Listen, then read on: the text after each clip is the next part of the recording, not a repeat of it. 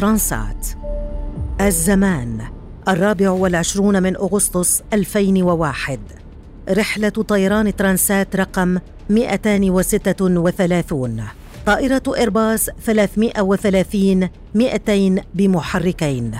خط الرحلة تورونتو نحو لشبونة. الرحلة التي بدأت بشكل جيد وهادئ لم تكن لتنتهي بسلام. فوجئ الركاب الذين بلغ عددهم 306 ركاب بصوت أتى من مكبرات الصوت مطالبا إياهم بخلع أحذيتهم وإخراج سترات النجاة من أسفل المقاعد وأخذ أقنعة الأكسجين من السقف.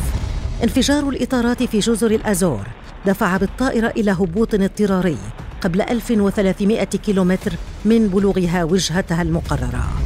بلحظة وحيدة. أصبح الجو مشحونا بالتوتر والقلق غير العاديين. صراخ ركض بكاء وخوف ما بعده خوف. عمت الفوضى على متن الطائرة. احدا لم يكن مستعدا للفظ آخر أنفاسه آلاف الكيلومترات فوق المحيط. قد يبدو لكم المشهد الآن خياليا وكأنه من فيلم هوليودي. راح المسنون يشرعون في الصلاة هربا من القدر المشؤوم. كان يتوقع موت جميع من كان على الطائرة.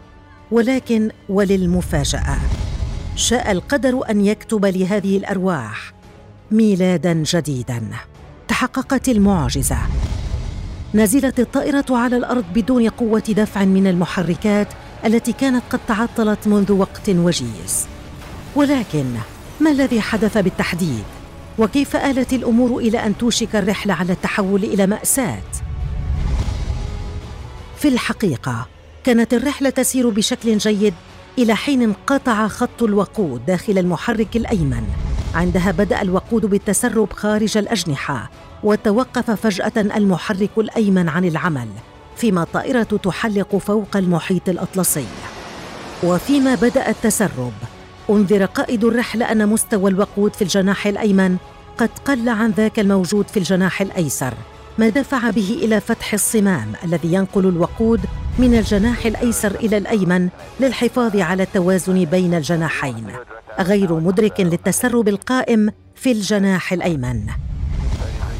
لم تلبث أن مرت بعض اللحظات تقرر فيها الهبوط في أقرب مطار في جزر الأزور حتى توقف محرك الطائرة الأيسر أيضا عن العمل لانتهاء مخزون الوقود في الطائرة.